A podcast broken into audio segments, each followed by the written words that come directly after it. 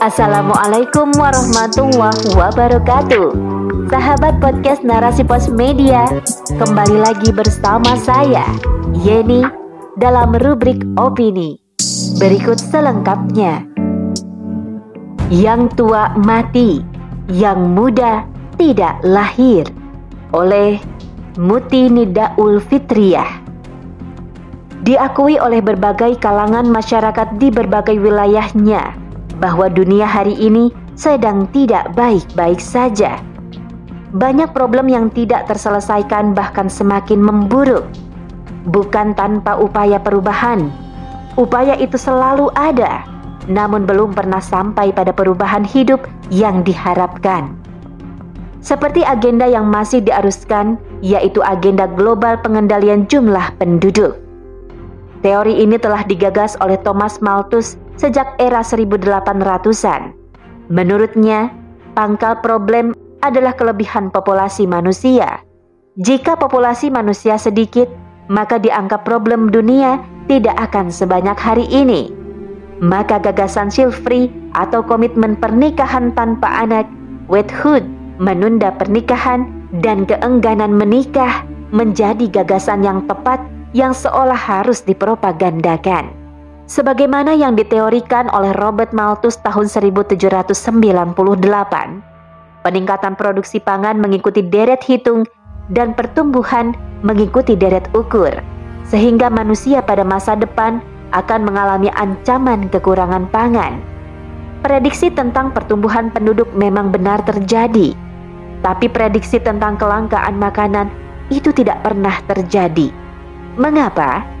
karena Allah sebagai pencipta manusia telah mencukupkan rezeki setiap individu. Sudah banyak lahir teknologi ketahanan pangan, serta teknologi-teknologi di berbagai bidang pun sudah banyak ditemukan. Jadi, kesalahannya bukan pada jumlah produksi makanan, akan tetapi kesalahan pada pengelolaan dan distribusi makanan yang ini memang berkaitan langsung dengan sistem bernegara yang diterapkan. Pengendalian jumlah penduduk harus tetap dilakukan dengan alasan semakin banyak manusia, masalah kerusakan lingkungan, emisi karbon, deforestasi, ketersediaan pekerjaan, tempat tinggal, pendidikan, hak asasi manusia, ketimpangan pendapatan, dan lainnya.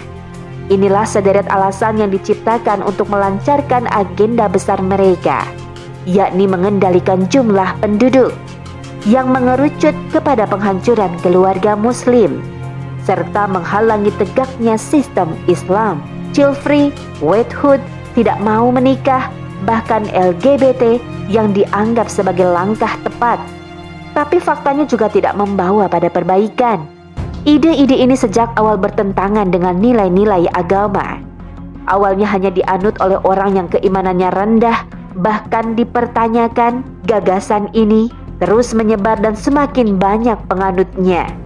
Bahkan hari ini telah dianut dan dipropagandakan secara langsung oleh kalangan umat Islam itu sendiri. Dianutnya gagasan-gagasan nyeleneh seperti still free menurut pakar ekonomi David Food berhubungan langsung dengan tingkat pendidikan. Semakin tinggi pendidikan seorang perempuan, maka akan semakin besar kemungkinan untuk tidak punya anak atau membatasi jumlah anak. Ya, inilah produk pendidikan sekuler kapitalis yang hanya berorientasi pada materi dan menafikan keberadaan fitrah manusia, tujuan penciptaan, dan jauh dari nilai-nilai agama. Jika kita melihat data angka pertumbuhan penduduk di dunia secara keseluruhan, kita akan dapati justru trennya mengalami penurunan dari tahun ke tahun sebagaimana yang ditunjukkan para peneliti di Institute for Health Metrics and Evaluation University of Washington, Amerika Serikat menunjukkan angka kelahiran di 23 negara di dunia mengalami penurunan tajam. Puncak angka kelahiran tahun 1950 adalah 4,7.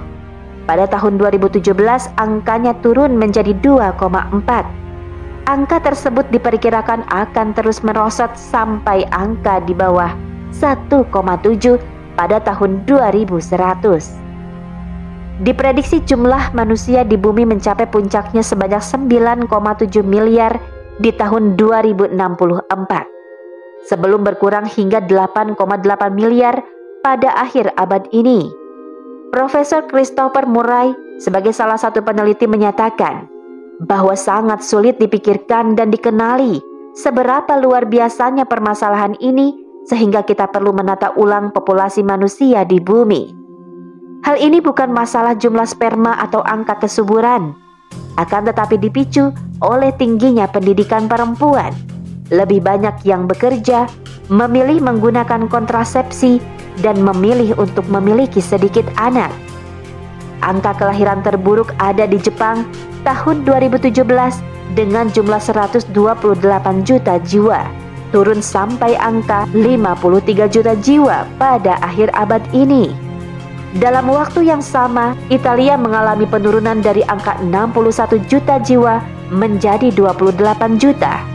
Cina sekalipun mengalami penurunan 1,4 miliar 4 tahun sebelum benar-benar turun menjadi 723 juta jiwa pada tahun 2100, jumlah penduduk Inggris diperkirakan 75 juta jiwa pada tahun 2063, turun menjadi 71 juta jiwa pada tahun 2100, termasuk Spanyol, Portugal, Thailand, dan Korea Selatan diperkirakan populasi penduduknya menurun lebih dari separuhnya.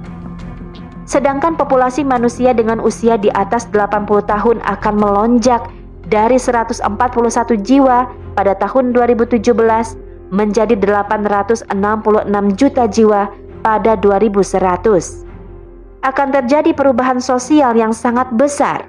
Lantas siapa yang akan membayar perawatan kesehatan untuk orang tua? Merawat orang tua?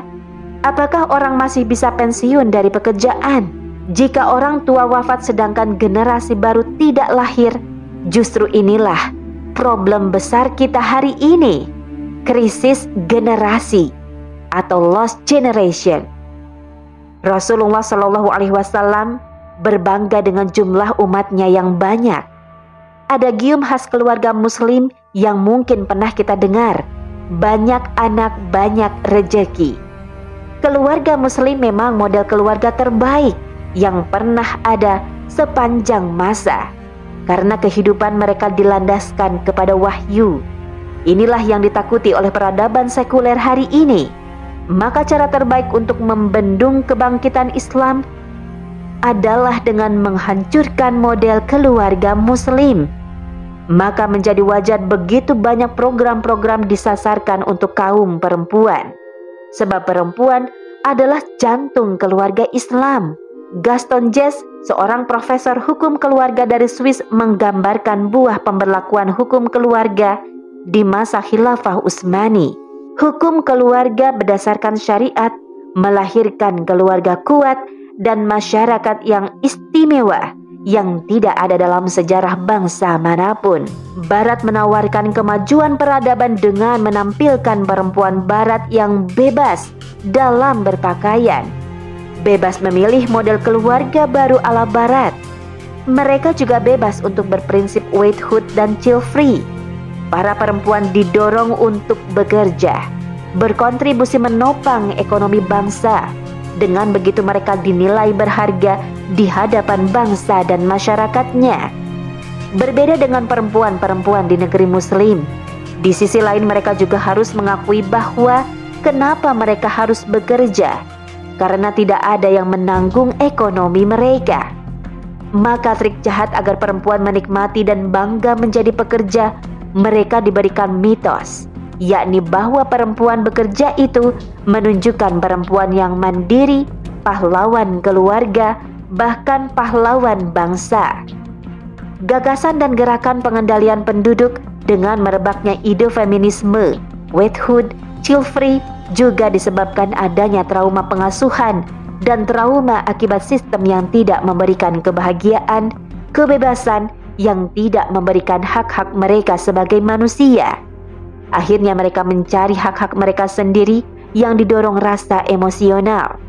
Bahkan dibuat persaingan antara perempuan dan laki-laki dengan ide kesetaraannya. karena tidak mau mengalami kesengsaraan hidup yang lebih besar untuk dirinya juga generasinya nanti. Padahal jika mau berpikir lebih mendalam, maka akan ditemukan titik kesalahannya bahwa sangat jelas ketidakadilan atas hak-hak hidup yang traumatis itu disebabkan oleh sistem gagal yang sedang diterapkan di negeri mereka. Kebobrokan sistem ini terus ditutupi dengan racun kebahagiaan semu. Maka sangat penting bagi kita memahami akar permasalahan. Karena untuk mengetahui kesalahan-kesalahan ide liberalisme dan feminisme itu perlu pengkajian yang cukup mendalam. Seorang muslim dan keluarganya adalah satu-satunya harapan perubahan ke arah yang lebih baik. Sebagaimana yang pernah terukir dalam sejarah, model keluarga muslim adalah model keluarga terbaik, penyokong pembangunan peradaban terbaik, yakni peradaban Islam. Posisi terbaik itu akan bisa terwujud ketika syariat Islam dijadikan pedoman dalam kehidupan dan menjadikan amar ma'ruf nahi munkar sebagai kebiasaan baik untuk menjaga satu sama lain dari kerusakan. Maka hal yang harus dilakukan sejak dini bagi seorang muslim itu adalah memahami Islam secara komprehensif dan tidak tergiur dengan budaya hidup barat yang menyesatkan. Selanjutnya, kita sampaikan kembali Islam kepada umat agar umat sadar tentang akar permasalahannya. Kita juga perlu menampilkan kebobrokan-kebobrokan peradaban kapitalisme sekuler hari ini. Kemudian kita berkomitmen bersama umat untuk memperjuangkan peradaban Islam Wallahu a'lam bishawab.